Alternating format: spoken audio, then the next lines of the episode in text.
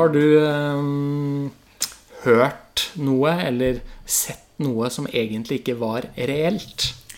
Vet du hva, Jeg har jobbet med personer som har eh, psykose. Eh, og det, ja, det de ser og opplever, det opplever ikke jeg, i hvert fall. Så det er definitivt et fenomen. At man kan se og høre og smake ting som ikke er sant. da Som ikke stemmer med andres sanseoppfatning. Ja. Og det er jo f.eks. ved en migrene så vil du jo typisk få eh, Du kan se mønster, eller du kan eh, ikke sant, få noen synsforstyrrelser og sånne ting som egentlig ikke er reelle. Eller du kan se farger eller sånne ting, men det er jo spontanaktivitet i hjernen. Og på samme måte så, så kan det jo eh, Vil det være litt naivt å tro at man ikke kan kjenne smerte eh, fra hjernen. Mm. Ja. Smerte, altså uten at du egentlig har smerte eller en skade i kroppen. Ja. Mm. Det er jo sånn at vi har tre forskjellige typer smerte i kroppen. Og det er nosisepsjon, inflammatorisk og nevrogen smerte. Så egentlig det folk blir forundra over, er at vi egentlig ikke har noen smertenerver som bare tolker smerte fra kroppen. Vi har forskjellige typer smertesensorer som har mer sannsynlighet for å gi deg smerteopplevelse. Men man kan jo gjøre en åpen kirurgisk operasjon av hjernen uten egentlig å bedøve smertesensorene. For du har ikke noen smertenerver i hjernen. Mm. Eh, og litt sånn er det med kroppen at smerten er tolket i hjernen. Men det betyr jo ikke at smerten din ikke er reell. Det betyr jo ikke at smerten din bare sitter i hodet for det. Nei, nei. Nei, eh, jeg, jeg liker egentlig også å se på det sånn at det, til enhver tid så har, har, vi Alle har smertesignaler som kommer inn i kroppen. Eller fra kroppen og inn til hjernen. Men grunnen til at eh, noen kjenner det mindre enn andre, det er fordi at vi har flere mekanismer som demper smerten. I både ryggen, i eh, hjernestammen, i cortexen vår, frontallappen, eh, midthjernen. Som hele tiden har en egentlig en sånn slags pacemaker-aktivitet og produserer en del smertelindrende stoffer. Men da, når den balansen blir feil, så vil ikke de eh, Og vi får mer smertesignaler enn det vi har eh, Altså kall det eh, smertebremsesignaler, da. Eh, så kommer det opp til toppen, og så opplever vi det som en smerte. Ja, og folk har jo forskjellige subjektive oppfatninger av når noe er smertefullt. Og det er jo litt det med at eh, ja, vi er forskjellige, hjernen vår er forskjellig, og vi har forskjellige sånne threshold, altså grenser på når når er det nok, som du sier, smerte, eh, smertesignaler til at Hei, hei, hei, nå må vi gi beskjed til eh, sjefen her oppe i frontallappen da, om at nå må vi gjøre Mats bevisst på at han har smerte. For nå må han bli bevisst på hva som skjer her. Nå må vi vekk fra en potensiell fare. Mm. Og det er jo det samme med at når vi sitter i det rommet her og prater sammen, så legger ikke du merke til klærne dine. Du legger ikke merke Nå gjør du det, da, når jeg sa det. Men uh, du legger ikke merke til klærne dine. Du legger ikke merke til lyset eller fuglene utafor eller vifta. fordi at det er ikke Det har hjernen din tolka som uviktig informasjon i akkurat dette øyeblikket. Og det samme er det med smerte, som du sier. at uh, den, vi skal bare egentlig være bevisst på den når, den er, eh, når det er en potensiell fare. Da. Og det er jo ikke alltid sånn at eh, selv om man har smerte, så er det en, en reell vevskade. Og det er mm. litt det vi skal snakke om i dag, og hva kronisk smerte gjør med hjernen. Mm. Ja, for det, det, er jo sånn at noen kan jo bare se på at andre får vondt, og de kjenner det på kroppen sjøl. De får vondt rett og slett av å se at andre får vondt. Um, og det jo ikke, har jo ingenting med en skade som har skjedd, da. Nei. Og, men det har faktisk målt at f.eks. hjertesorg, da mm. Man kan få fysisk vondt i hjertet av hjertesorg. Ja. Wow. Har Så, du hatt det? Hjertesorg, ja. ja. ja. Fikk du vondt? Eh, du kjente det på kroppen? Jeg kjente det i brystet, liksom spenninger. Men jeg ja. kan ikke si at hjertet mitt gjorde vondt. Eh, kanskje jeg ikke har vært så hjerteknust, da fantastisk wow. å tenke på hvordan, hvordan, det emosjonelle også spiller inn på kronisk smerte. Og det tenkte jeg vi skulle snakke om litt senere. Hva, hvordan kronisk smerte også påvirker de kognitive funksjonene og, og gjør folk kanskje mer angstfylt eller de, har depresjoner og sånne type ting. Mm. Og hvordan, om vi skal behandle på en måte smerten eller depresjonen, og hva som er best, og hvordan vi skiller de to. Mm. Men eh, kronisk smerte det defineres jo som at man har en eh, smertefull opplevelse i mer enn tre måneder. Eh, og det er jo en subjektiv tolkning, som vi sa, og man finner ofte ikke vevskader. Og hva er problemet med det? Med at man ikke finner vevskader. Ja. Som Ja, pasient. altså Jeg tror, jeg tror et eksempel eh, Altså Det er jo litt det samme som med hjernerystelser, egentlig.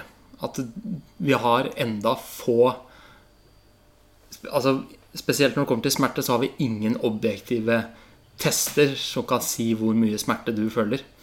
Det er, eh, vi har bare masse skjemaer. ikke sant? Hva eh, rangerer deg fra null til ti? Eh, hva, hvordan føler du deg i dag? Hvor mye smerter har du? Altså, jeg er en sekser i dag, eller noe sånt. Men det, men det er enda ikke noe form for test som kan si hvor mye smerte du opplever. Det som er veldig gunstig, er jo fordi at vi vet jo at det, hvis jeg f.eks. prøver å tråkke på en spiker, så får jeg da en, en refleks, i, en motorisk refleks, eh, fra foten min som trekker beinet unna.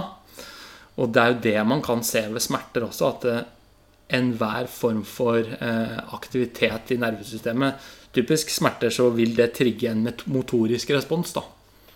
Um, Og siden smerte er et, et eh, fenomen som nesten alle mennesker forstår, da. Vi, forstår, vi tror vi forstår hva vi snakker om. Når, når du sier at du har vondt et sted, så kan jeg kjenne igjen den følelsen. For at alle mennesker opplever smerte. Hvis du Mm. ikke har et sånn sjeldent syndrom hvor du ikke opplever Ja. smerte.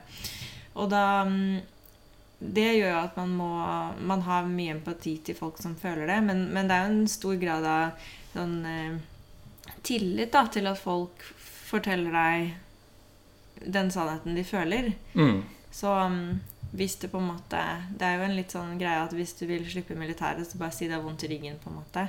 Og jeg tror at mange kroniske smertepasienter får litt sånn bad rap, og de har det er en lav statusdiagnose, da, fordi det ofte kommer sammen med disse emosjonelle og kognitive endringene som vi ser, hvor folk har mer Altså de strukturelle og funksjonelle endringene i hjernen de gjør at folk får mer sjanse for å ha sinne og depresjoner og angst. mm, Um, og det er jo også litt sånne diffuse diagnoser, da. mm, Uh, og helt ærlig så er det mange terapeuter som er eh, frustrerte. Mange leger som er frustrerte over over kronesmerte. Fordi at eh, det er vanskeligere å jobbe med og få bort enn en akutte smerter og andre infeksjoner i kroppen. mm. Ja, det er, jo, det er jo en grunn til at det sannsynligvis er Jeg vet ikke hvor mange eh, millioner amerikanere som sliter med kroniske smerter. Eh, men på verdensbasis også så er det jo enormt. Og jeg tror når vi begynner å se på mye av den medisinbruken som brukes for eh, smerter, eh, så er jo ofte den Mange av de medisinene var egentlig utvikla for å brukes i psykiatri. Eller brukes for, som en antidepressiva, eh, typisk. Eller eh, epilepsimedisiner og sånne ting.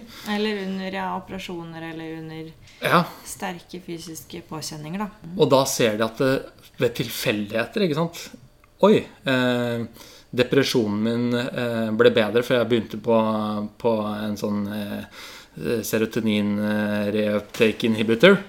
Eh, og ryggplagene mine ble borte også. Eh, så, så det er jo på en måte Det har jo Og det, det viser jo bare at det er sentral, sentrale mekanismer i hjernen som er, har en stor påvirkning på smertebildet mange opplever. Som så sagt det ikke er man ikke ser vevskade, da.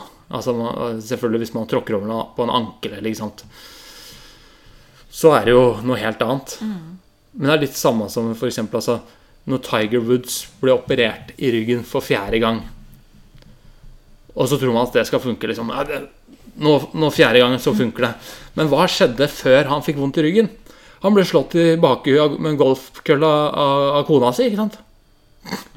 Og det var skilsmisse. Altså ja, ikke sant? Det, det, det, det er ikke sikkert at det er den fjerde operasjonen av ryggen som kommer til å funke her. Altså, når vi har gjort det tre ganger før. Nei. Da, da må man liksom se på Kan det ha noe med den golfkølla han fikk i huet. Eh, akkurat sammen med hjernerystelsespasienter. ikke sant? Ja, vi finner ingen skader i ryggen. Eller vi finner ingen ja, altså, Vi har masse vondt i nakken, og sånn, men det er, det er klart at det, hjernekjemien forandres. da Ja, og så kan man jo finne eh, lokale skader også, som egentlig ikke er eh, smerteutløseren. Mm. Eh, 50% av mennesker går jo med en prolaps uten å ha noen symptomer. Så um, korriger meg hvis den, eh, den er feil. Ja, jeg tror det er Jeg tror det er, eh, jeg tror det er 50% av nordmenn nesten som har prolaps i ryggen. Ja, uten at de vet det. Asymptomatiske som går rundt og aner fred og ingen fare. Så du kan egentlig ikke se bruke et MR-bilde eksempel av ryggen og, og være helt sikker på at eh, dette er problemet, eller dette er grunnen til at pasienten har dårlig funksjon eller smerte. Mm. Ehm, så det er mye, mye utfordringer med kronisk smerte. Mm.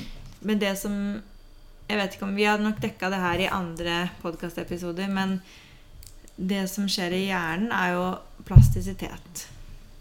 Og det handler om at det, akkurat som du lærer å bli god på å sykle, eller lærer å bli god på å spille gitar, eller lage mat, eller um, ja, løfte vekter, så lager også de nervebanene som tolker smerte, de lager også tykkere og større baner. Så det er derfor det blir vanskeligere å kutte opp i de nervebanene. Da, og, Mm. og, og få bort kronisk smerte i forhold til akutt smerte. Mm. Det er fordi at hjernen skiller ikke mellom bra og dårlig plastisitet. Eh, Den vil bare gjøre deg obs på potensiell skade. Så mm, det er lurt å prøve å få bukt med smerter så fort man kan. da. Mm. Absolutt. Fordi det blir endring i hjernen, og de områdene vi vet at det er endringer i, er amygdala, hvor du har mye emosjonelle eh, sentre. Hvor du kan få fryktfølelser, og, og mange er jo også bekymra for smerter. ikke sant? Eh, prefrontal cortex endrer seg, hippocampus og nucleus accumbens. Um, og så kan man etter hvert også utvikle andre typer smertesyndromer, som f.eks. allodyny, som er at man får en smerterespons på en normal stimuli. Så hvis jeg hadde stryket deg på armen, så kunne du opplevd det som en smertefull ting. Mm. Som 99% av andre mennesker ikke gjør. Mm. Eh, og da kommer vi inn på eh, Vi skal ha en podkast senere på det her te temaet, da, men f.eks. refleksdystrofi, som er, er en dysautonomi og en kronisk smerterespons i et vev som gjør at du får eh, ekstreme smerter i en arm eller fot eller eh, som sprer seg utover. Mm. Og det, det er vanskelig å gjøre noe med når det har, har gått til det stadiet. da. Mm. Ja, fordi det er jo Uansett ved smerte så er jo det noe som trigger stressystemet vårt. Eh, Det sympatetiske nervesystemet. Da. Det gjør at man får store pupiller, fordøyelsen blir dårlig. Eh, Søvnen blir dårligere, du skiller ut kortison. mm, Det gjør at du eh, tar dårligere valg i forhold til at du vil legge på deg mer. Ja, da får du igjen mer betennelse i kroppen som gjør at du kan få økt smerterespons. Mm. Hukommelsen blir dårligere. Og det, det er mye med den, altså den loopen fra hypofysen og stressenteret sånn, som trigger noradrenalin og, og kortisolresponser. Og når den loopen den trigges av smerte, og når du blir gående der, så vil du egentlig fungere dårligere fordi du, du gjør ikke de riktige valgene. Altså du, du klarer ikke å bruke hjernen altså Det blir som, som om det er støy rundt deg hele tida. Eh, og, og du vil jo Altså, Det er derfor man svetter, det er derfor man blir mer eh, hoven. ikke sant? Det hele, hele pakka der. Eh, så, så smerte, det ønsker man å bli kvitt så fort som mulig. Og jo lengre man går med det, jo større er sjansen for at eh, som du sa i sted, at vi driver plastiske endringer i, i systemet. Det er use it or lose it. altså Det du bruker hele tida, det du føler hele tida, det, det, blir jo sterkere.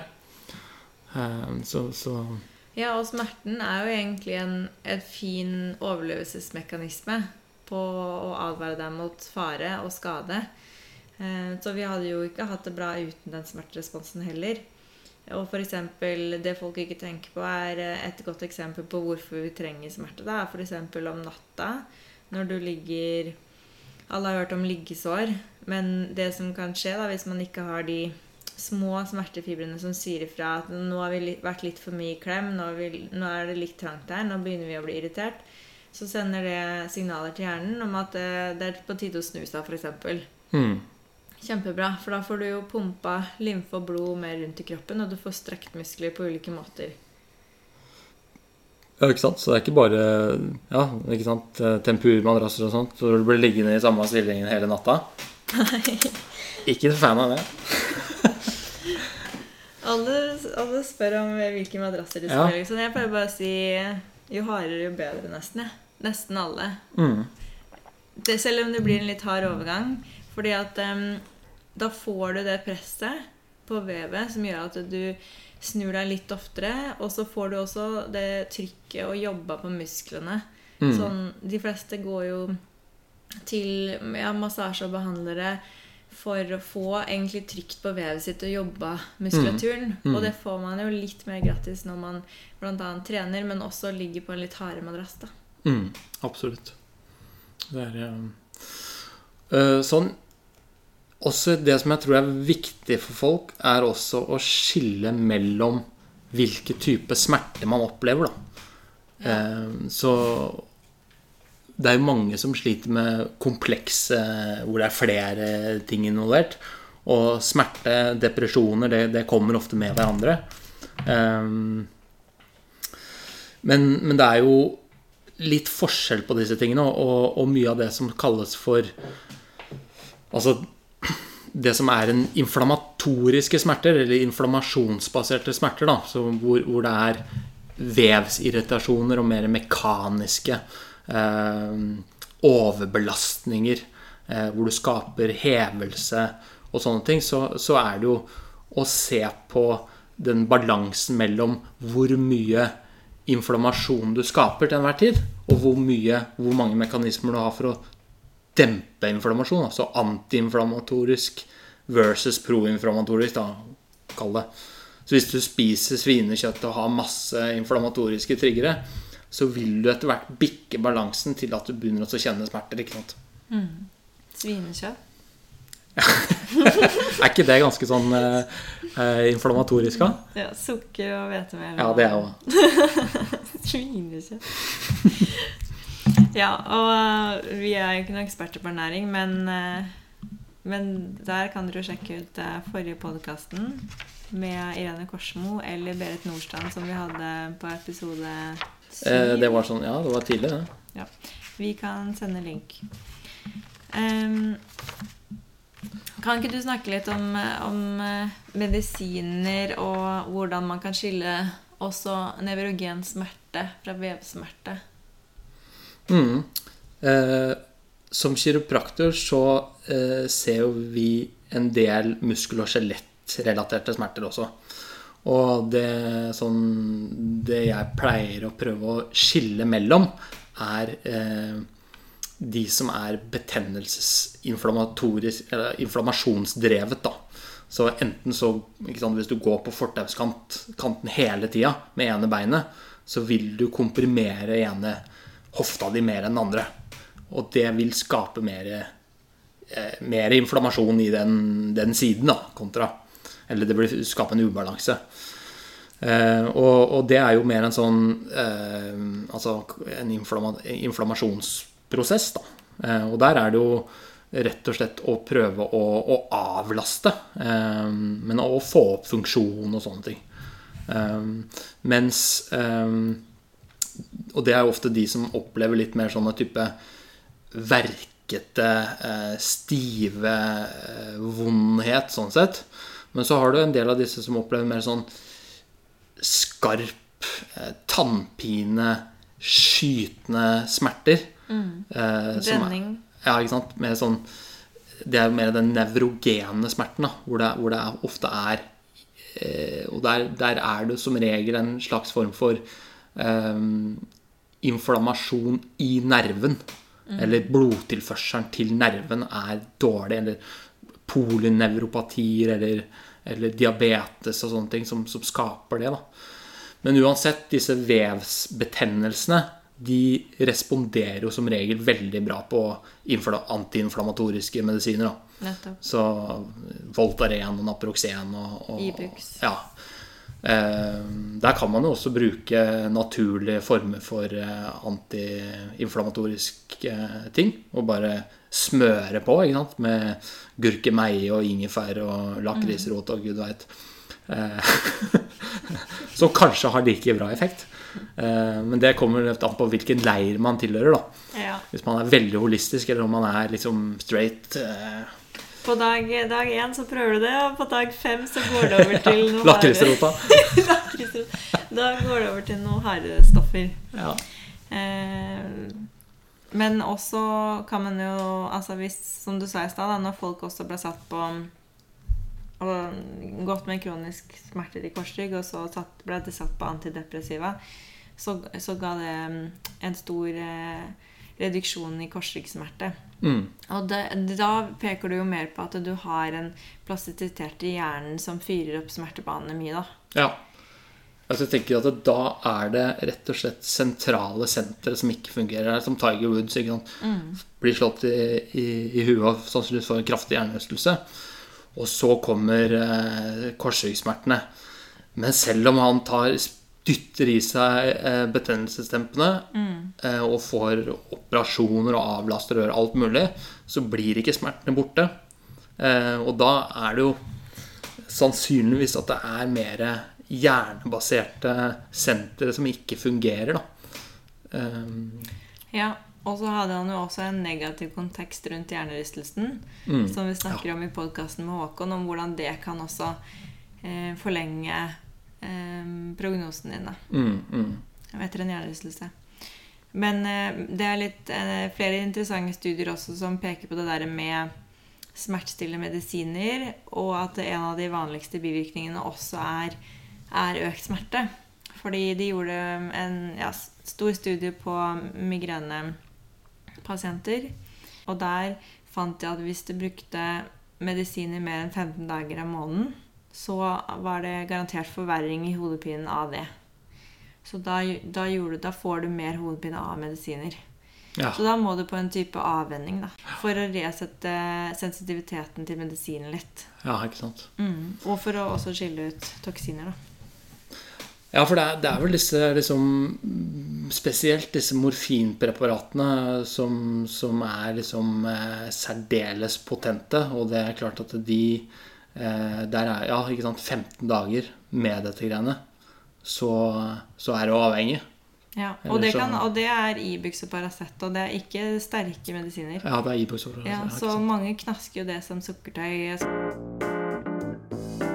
Som har vært hos flinke behandlere, fysioterapeuter, kiropraktorer, alt mulig, og aldri fått en respons. Mm. Eh, og så går man kanskje og kjenner på skulderen eller, eller albuen, da, der hvor de har problemer, og så, og så får man aldri provosert fram smerten. Mm. Da er det også stor sjanse for at det er en nevrogen smerte som, som på en måte er hjernebasert. Ja. Mm. Du poker rundt, ikke sant, eh, i korsryggen. Hvor er det vondt? Ah, deg på, da. Nei, nei, det er ikke vondt. Nei, det er ikke vondt. Nei, jeg er ikke sikker på når det er vondt, eller ikke sant. Det er, mm. det Er det er, sannsynligvis ikke noe eh, spesielt inflammert eller irritert her, da. Nei. Nei, så det er, eh, det er mange måter å gå løs på det her på, da. Mm, det, så hvis, nå skal vi snakke litt mer om løsningen. Hvordan er det du jobber med, med kronisk smertepasienter, Mats? Eh, Det er eh, et multi... Nei, altså Jeg tror nok eh, Som regel så prøver jeg å kartlegge Som sagt, er dette en nevrogen smerte, eller er det en inflammatorisk basert smerte? Altså er det type artritter eller, eller betennelser i kroppen? Eller er det en, er det en mekanisk vevsbelastning? Du har et kort bein, ikke sant? eller du har en skoliose, så vil du ofte typisk bli mer irritert og, og, og sånne ting. Um, er det et ankelovertråkk, så er det jo, da er det jo vevsskade. Og da jobber jeg med å rett og slett eh, avlaste eh, det belasta området og resette funksjonen med å få opp eh, få opp proproseptorisk aktivitet og, og, og, disse store nervefibrene som du aktiverer veldig med type kiropraktiske leddjusteringer. Mm. Eh, som, som, er, og der ligger det Det er effektivt fordi det ligger en sånn smerteport i, rygg, i ryggraden. Og med en gang vi begynner å favorisere de store, smerte, store nervebanene, så demper vi smerte. da Sannsynligvis. Ja, og det vet jo dere også. Når dere har, hvis dere har brent dere på en plate, rister på hånda, eh, så, det, så blir jo smerten dårligere. Eller mindre. Mm. Og det er fordi at, um, som du sier, de store nervebanene som gir leddsans da, Når du rister på hånda, så rister du på muskler og ledd. Og de nervebanene som, som um, sender leddsansen vår til hjernen, de de beveger seg raskere enn de nosisepsjonene eller de smertefibrene. Og da Det som skjer da, er ganske kult. Som du sier, det blir en sånn refleks i ryggraden på et lokalt nivå hvor, hvor de store fibrene demper smertefibrene lokalt. Mm. Eh, og da får du jo mindre også opp, opp i hjernen, som du blir bevisst på. Mm. Så det er litt det som skjer når man eh, gir en leddjustering, eh, er at man man aktiverer leddsansen og får mye affrontasjon av de, de store fibrene, som mm. kan dempe smerten. Mm. Men hvis det har blitt kronisk, og hvis det er mye mer nevrogensmerte, mm. så må vi i tillegg gjøre um, rehabilitering, nevrogen trening, som, som aktiverer frontallappen og store deler av hjernen, som er med på å dempe smertefibre eh, generelt. Mm, ja. Ja, for det er jo liksom Man må bare begynne å nøste i det og, og, se på hvordan type smerte er det. Finner vi ikke vevskade, finner vi ikke noe eh, overbelastninger, finner vi eh, det er greie stabiliseringsmekanismer osv. i ryggen, så begynner man også å se oppover i, i, i, hjernestammen. Hvordan er funksjonen i hjernestammen? Hvordan er eh, de, de områdene som ligger rundt smerte dempende aktiviteten som skal være der. Og er det den pacemaker-aktiviteten der? Da ser man rett og slett på er det, er det noe som aktiveres fra balansesenteret? Er det lillehjernen som ikke fyrer eh, nok, eller fyrer for mye opp i midthjernen og produserer stresshormoner? Um, har vi en frontallapp som ikke um, er aktivert, er deprimert? Sånne ting. Så så, så, man må liksom begynne å nøste litt oppover. Men jeg tror nok kanskje det vi gjør litt annerledes, er at vi tar med det sentrale bildet. da.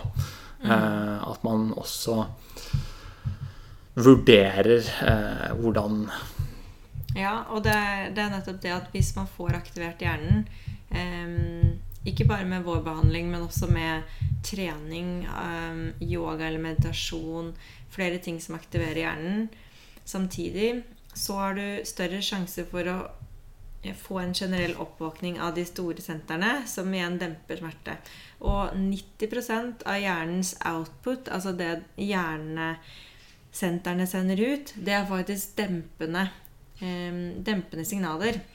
Så det er ikke for å aktivere muskler og sånn, men 90% ca er til bare for å dempe signaler og gjøre deg uoppmerksom på ting som du ikke skal være oppmerksom på, bl.a. smerteopplevelse. Mm, mm. Så det er ganske fantastisk. Så at uh, hovedoppgaven til hjernen er å egentlig bare nøytralisere og dempe ting som ikke er viktig for din bevissthet. Ja. Det er uh, Så uh, gjør du type um, hva, Hvordan jobber du med um, Altså mer eh, disse kroniske smertene hvor det ikke er eh, vevsskader. Um, det kommer jo litt an på um, hva det er. Da. Om det er på en måte en whiplash nakke, nakkesyndrom, eh, hvor på en måte ting er veldig låst, eller om, om det har f.eks. fantomsmerter, så er det litt annen ting. Eh, eller refleksdystrofi, så er det litt andre ting. For da vet man mer hvilke sentre eller hvilke områder i hjernen som er direkte påvirka. Men hvis du har en kronisk nakke, nakkesmerte, så har du ofte kronisk nakkestivhet, og hjernen din har ofte ikke god um, god kartlegging av hvordan nakken føles og hvordan den beveger seg. Så Mm. de går ofte hånd i hånd at hvis du har nedsatt, um, nedsatt bevegelse og funksjon, så har du ofte større sjanse for å ha smerte. Mm. Fordi at det blir som når du setter på en gammel, et gammelt fjernsyn, og da får du inn mye ekstra lyd. Du får inn mye ekstra signaler da, Mm. som kan smertetolkes. Så jeg prøver jo å gjenopprette normal funksjon i, um, i de stedene som er kronisk eh, smerterelatert, eller de andre delene av kroppen som henger sammen med det. Men sånn nevrologisk messig så prøver jeg å gjøre en del um, komplekse øvelser, en del vestibulærtrening, øyemotorisk trening, um, trening som går på å modulere det autonome nervesystemet som er med på å øke stressresponsen din. F.eks. Um, mange med kronisk smerte har også høyere hvilepuls, høyere blodtrykk. Mm. Um, kanskje de ja, er svimle eller har et dårlig bilde av De har en dårlig kontakt med kroppen generelt. da. Mm. Jobber mye med pust. Men det kommer helt an på, an Hva på du ser, liksom. Og, ja. Ja, det kommer helt an på hva jeg ser, og det er det jeg syns er så gøy med nevrologi. At vi kan, vi kan teste så best mulig vi kan i dag, da, 2020. Og så kan vi få et ganske detaljert bilde over hvordan hjernefunksjonen er. Altså, hvis du lukker øynene og, og skal prøve å bevege hodet eller albuen 45 grader, vet du hvor du er da i mørket? Eller hvis jeg ber deg se på tommelen min, lukke øynene, og når du åpner øynene, så skal du se rett på der hvor tommelen min var. Bommer du, eller vet du Mm. hvor øynene dine er? For når du har et riktig kart over omgivelsene dine og kart over kroppen din, så får du inn mer riktige signaler til hjernen. Mm. Og det er når hjernen mangler riktige signaler, eller får feilsignaler, at den begynner å finne opp ting. Mm. Og der kommer jo ofte den fantomsmerten inn, og ne sånn nevrogen smerte etter slag og sånn, hvor eh, eh, Hvor når hjernen ikke får riktige ner nervesignaler inn, så vil den begynne å finne opp ting. Mm. Og det skjer jo også med polynevropati. Når folk får degenerasjon i nervene i føttene. Altså de begynner å få puter under beina og brennende smerte eh, under beina og opp langs leggene. Det er fordi at hjernen vet ikke hva som skjer, og da bare finner den på Mm. Nei, du er kald. Nei, du er varm. Nei, du har brennende smerte. Nei. Og det er jo ikke noe gøy. Nei. Så da, man må egentlig prøve å finne ut hvor er problemet, og så få hjernen til å skjønne hva som egentlig skjer i det området som, har, som oppleves vondt. Ja. Veldig bra. Ja, for det er jo eh, Det er også en veldig god måte å egentlig For et område som er vondt, eller smerter, det gjør at du ikke typisk Ofte så vet du ikke helt hvor den kroppsdelen befinner seg. Fordi smertene overskygger rett og slett disse hjernekartene av hvor, hvor ting er hen. Da.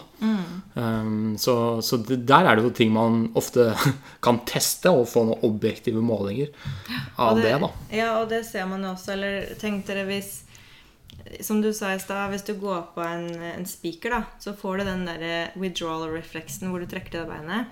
Og da ser du også hvordan smerte påvirker motorikk. Mm. Og alle de, eller de fleste jeg har sett med, med kroniske skuldersmerter, de har ikke normal bevegelse i skulderen. Når jeg ber de gjøre forskjellige ting, de vrir på hele kroppen, eller de drar med seg nakken, eller de eh, går i en annen vinkel. Da, fordi at hjernen har lært at den vinkelen er ikke så smertefull som den andre vinkelen. Mm. Og da begynner du å legge til deg mindre effektive bevegelsesmønstre, som igjen gir deg sekundære plager, eller bare fyrer opp det smertemønsteret mer. da. Mm. Fordi hjernen prøver bare å Altså, den tenker kortsiktig sånn Hva gjør jeg nå for å ha det bra? Den tenker jo ikke på funksjonen din eh, i lang tid. Nei. Det er det jeg sier til alle de gutta som driver og De blir så stive i skuldra og, og så stive i nakken. og så går de løs på, på, på biceps og brysttreninga. Ja. Og så, og så ligger jo den derre altså den der kjempetighte muskulaturen full av eh, altså nocicepsjon. Eh, og egentlig fyrer inn i, inn i og ødelegger stabiliseringsevnen. Eh, men de, de har ikke helt Det har ikke blitt nok til at de kjenner det i hodet. Eh, og så går de på gymmen, og så skal de klinke til og, og, og løfte. Og så ryker den, eh, den bicepsen eller, eller den eh, brystmuskelen. Da. Så hadde vi fått eh, røska tak i dem litt før, så Men det, ja, men det, ja, men det er jo synd å si det, men det er jo mange som bare Åh, ja, du kommer inn Du har hatt smerte i ti år. Det skulle vært der for i hvert fall ni år siden, Ja. om ikke ti år siden. Du skulle ikke la det gå for lang tid, fordi at eh, smerte, kronisk smerte, det endrer hjernen, og med en gang du har endring i hjernen, så vil det være vanskeligere å rehabilitere. mm, Og det er det vi ikke er oppdratt til i Norge. Eh, å tenke forebygging og tenke "Nå, det her skal jeg ta tak i med en gang. Mange er redd for å gå inn til behandler. De skal utlevere seg selv. Det er noen som skal ta på dem. Kanskje er det verre enn det de tror. Mange er redd for å komme til behandling. Eh, og jeg forstår det. Eh, men, men ta tak i det hvis du merker at det her går ikke over av seg selv. mm, Og det er mange måter å komme dit på. Kognitiv terapi har vist seg å ha god effekt på kronisk smerte. Eh, Det å få på plass søvnen, mm, jobbe med det, søvnhygiene. Um, se på medisiner. Er det noen medisiner som gir deg smerte? Er det noen medisiner du kan trappe ned eller kutte ut eller kanskje endre? mm, Er det noe du kan gjøre på ernæringsdelen? ja. Kutt ut eh, hvetemel og sukker i tre uker. Se hva som skjer med smerten. Mm, ja, ikke sant? Du har ingenting å tape på det. Um, Kiropraktisk behandling, leddjustering, yoga, meditasjon og trening. Altså det er så mye du kan gjøre for å få det bedre. Mm. Må bare se rett og slett på balansen i systemet. Er det mer smertesignaler enn det er eh, signaler som demper smerte, så er vi på plussida, og da blir det dårlig, dårlig hverdag. Eh, Hva kan vi gjøre for å få snudd den? Det er liksom greia. Det er greia. Håper dere fikk noe ut av det her. Og send oss gjerne spørsmål som dere har på Facebook-siden vår Hjernejervene. Eller Yes. på hjernejervene at gmail.com. Stemmer. Mats er på Sandvika, jeg er i Ski. Ja. Eureka.